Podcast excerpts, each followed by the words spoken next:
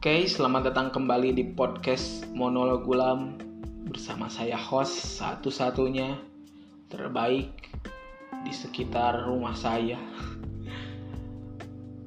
Yaitu saya Gulam Rayhan Akbar ya sebagai pemandu atau host di podcast Monolog Gulam ini. Pertama-tama mungkin saya akan memperkenalkan atau memberikan pengenalan kepada orang yang baru pertama kali mendengarkan podcast Gulam ini eh podcast monolog gulam maaf. Jadi dalam podcast ini saya akan menjelaskan atau mengisi waktu luang dengan obrolan-obrolan monolog saya mengenai peristiwa konflik hiburan-hiburan atau apa pun itu. Pokoknya yang penting saya itu bermonolog gitu ya.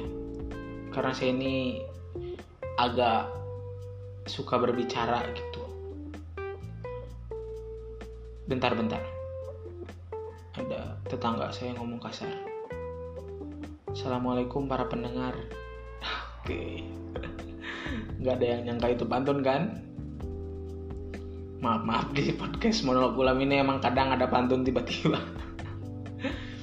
Tapi nggak apa-apa. Supaya ini jadi ciri khas dari podcast ini ya. Oke di dalam podcast Menol Gulam ini terdapat beberapa segmen ada segmen awal dan segmen akhir. Segmen awal ini biasanya diisi oleh premis random yang saya akan bawakan.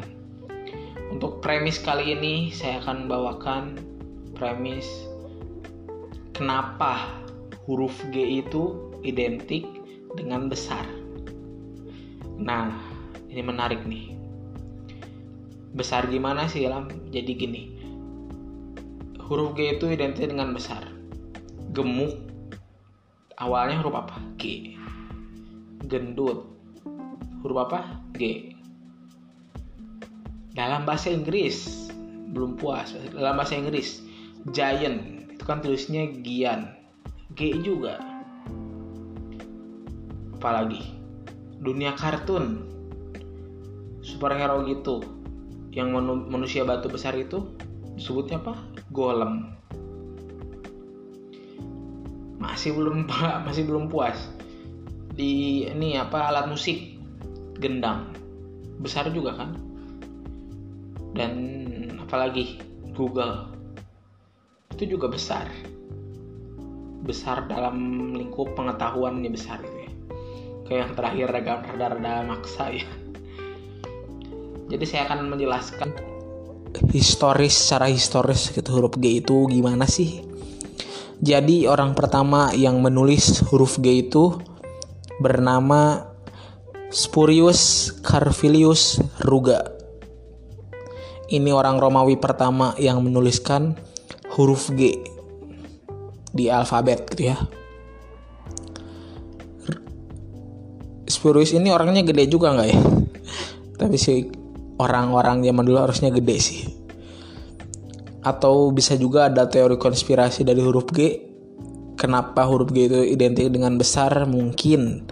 Karena huruf G itu bentuknya itu gini nih kayak perut gitu nih G. Nah seperti itu mungkin ya. Dari huruf G ini. Ngomong-ngomong huruf G saya juga kan awalnya huruf G gitu ya Gulam. Saya besar nggak? Besar. Berat badan saya itu tertinggi ini ya. Pernah mencapai 98. Itu kalau di ular tangga udah hampir finish tuh. Gemuk banget. Nggak banget sih. Ya cukup gemuk lah. Tapi saya dengar-dengar sih yang saya alamin ya. Itu tuh dari saya tuh nggak pernah ngerasain kurus gitu. Dari SMA SMP SD saya gemuk. Bahkan balita gemuk. Bahkan nih ibu saya di waktu ngandung saya itu dia perutnya gemuk. Kebetulan lagi hamil sih. Ya wajar lah ya gemuk ya. Oke. okay, uh, ngomongin gendut juga ini sekarang itu saya bingung gitu ya. Gendut atau gemuk ini kekurangan atau kelebihan sih? Disebut kekurangan tapi kelebihan berat badan. Dibilang kelebihan tapi nggak ada kembalian. Maksudnya kan kalau kita jajan ini kalau ada kelebihan kalau kelebihan dong ada kembaliannya itu kan. Harus effort sih dijelasin ya biar soalnya lusunya jauh banget terus dikejar. Apalagi sekarang gitu ya saya di umur 21 sekarang ini banyak gitu tekanan tentang gendut gitu. Orang tua apa namanya tuh ya selalu bilang kurus lam kurus lam gitu gitulah dari karir kehidupan saya gitu ya. Gendut ini emang banyak kekurangannya tapi ada juga sih kelebihannya. Kadang saya juga dilema gitu. Kalau saya kurus sekarang saya ini kan menjadikan gendut ini sumber keresahan gitu ya. Maksudnya tuh banyak yang ingin saya omongkan gitu dari gendut ini. Keresahan-keresahan orang gendut tuh banyak gitu soalnya kan saya udah gendut 21 tahun gitu otomatis banyak kan keresahan-keresahan dari gendut nah kalau saya kurus berbicara tentang soal kegemukan, kegendutan, nanti saya diserang, serang SJW karena tidak berasal dari kaumnya sendiri gitu. Makanya ini disebut kelebihan atau kekurangan juga gitu gendut ini. Oke, saya bilang salah satu contoh keresahan aja ya. Dari gendut itu pasti orang-orang yang gendut ini pasti pernah merasakan dibully gitu. Saya juga pernah dibully dari sering malah dari S SD SMP SMA SD itu mungkin bulinya nggak terlalu itu ya cuman verbal doang terus tidak tidak menarik lah di kalangan teman-teman mungkin. Soalnya kan kalau SD itu lebih ke penampilan atau enggak prestasi. Apalagi kan SD pasti orang yang jago olahraga itu yang populer gitu. Tapi saya meskipun genut olahraga juga jago gitu. Apalagi bola waktu dulu tuh. Jadi striker. Pernah jadi back. Pernah bunuh diri. Pokoknya macem-macem lah waktu SD itu SMP SMP itu kan saya mulai masuk pesantren. Pesantren ini cukup keras gitu lah hidupnya apalagi untuk orang orang gendut gitu. Kegiatan padat makan dibatasi. Tapi ya apa hasilnya? Tetap gendut. Sampai SMA saya tuh di pesantren berapa tujuh tahun. Pokoknya gendut ini keresahannya banyak lah gitu. Saya tidak pernah mengalami rasanya menjadi pemeran utama dalam diri dalam hidup itu. Soalnya kita lihat ya di film-film. Kalau kalian perhatikan kalau di film-film itu orang gendut itu pasti jadi side karakter.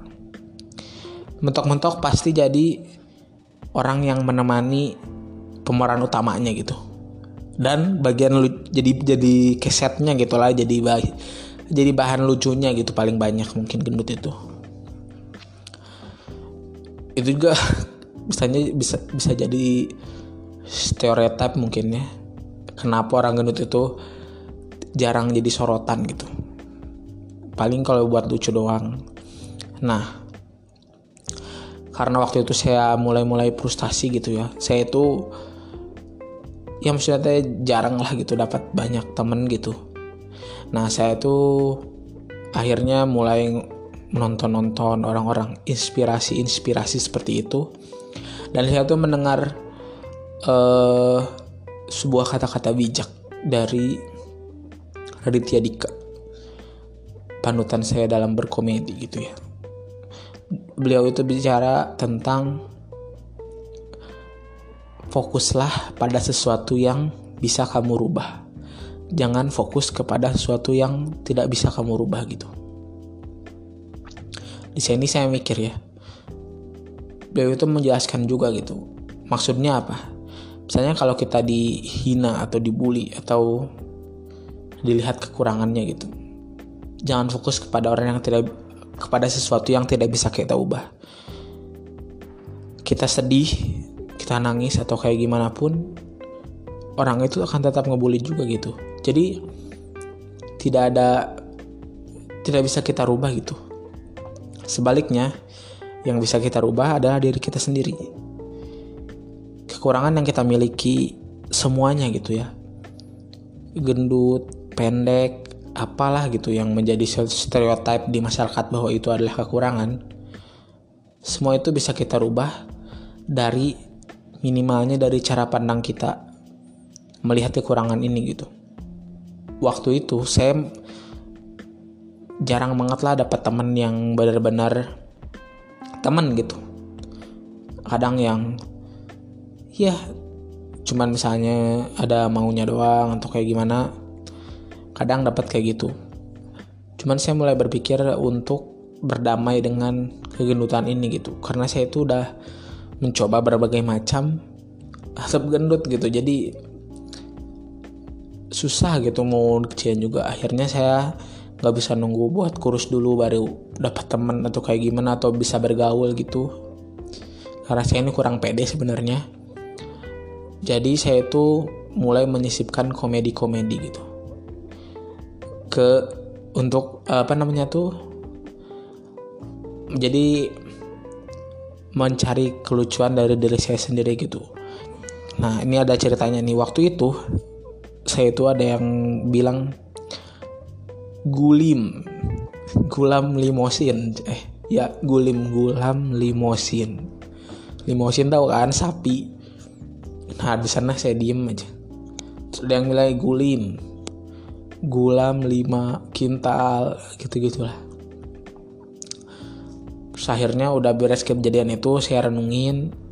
Akhirnya saya uh, merubah namanya tuh merubah panggilan itu menjadi sesuatu yang lucu gitu gulim. Saya jadi gulam slim. Gulam kurus gitu kan gulam slim. Ada yang bilang guling juga. Saya ganti jadi gulam langsing. Nah akhirnya saya pakai tuh jadi buat kenalan itu tuh strategi saya untuk uh, memberikan kesan baik atau kesan positif untuk pertama kali gitu kalau ketemu orang Kenalin nama saya Gulam, biasa dipanggil Guling. Gulam Langsing. Atau enggak Gulim, Gulam Slim. Nah, gitu-gitu. Jadi komedi gitu. Nah, di luar dugaan, setelah itu pembulian-pembulian ini tuh berubah menjadi apa namanya tuh saya nggak dibully lagi gitu. Jadi respect lah ibaratnya menjadi ya itu emang lucu aja gitu. Jadi jadi mereka tuh nggak fokus ke genutnya gitu. Toh saya ngebacandain genut sendiri gitu. Jadi dibacandain juga nggak akan sakit hati gitu. Nah mulai saat itu uh, saya mulai menyelami komedi gitu ya. Komedi itu membantu lah ibaratnya membuat saya lebih percaya diri membuat saya uh, apa punya lebih banyak relasi koneksi gitu ya buat ngobrol sama orang. Gitulah sampai sekarang alhamdulillah gitu pas kuliah udah berubah gitu. Saya punya banyak apa namanya ibaratnya skill lah buat ngobrol sama orang deketin orang atau kayak gimana juga. Meskipun dalam percintaan ya nggak bisa lucu doang ya. Ganteng juga harus sih. Itu paling yang harus diperbaiki lagi oke mungkin jadi pesan dari podcast monolog gulam pertama ini mungkin kata-katanya gini setiap kekurangan itu pasti memiliki kelebihan. Dan kalau mau dilanjutin setiap kelebihan itu pasti ada kembalian. Nah itu komedinya. Udah 15 menit kita telah bersama. Mungkin ini uh, menjadi penutup buat podcast kali ini. Terima kasih yang telah mendengarkan. Assalamualaikum warahmatullahi wabarakatuh. Bye guys.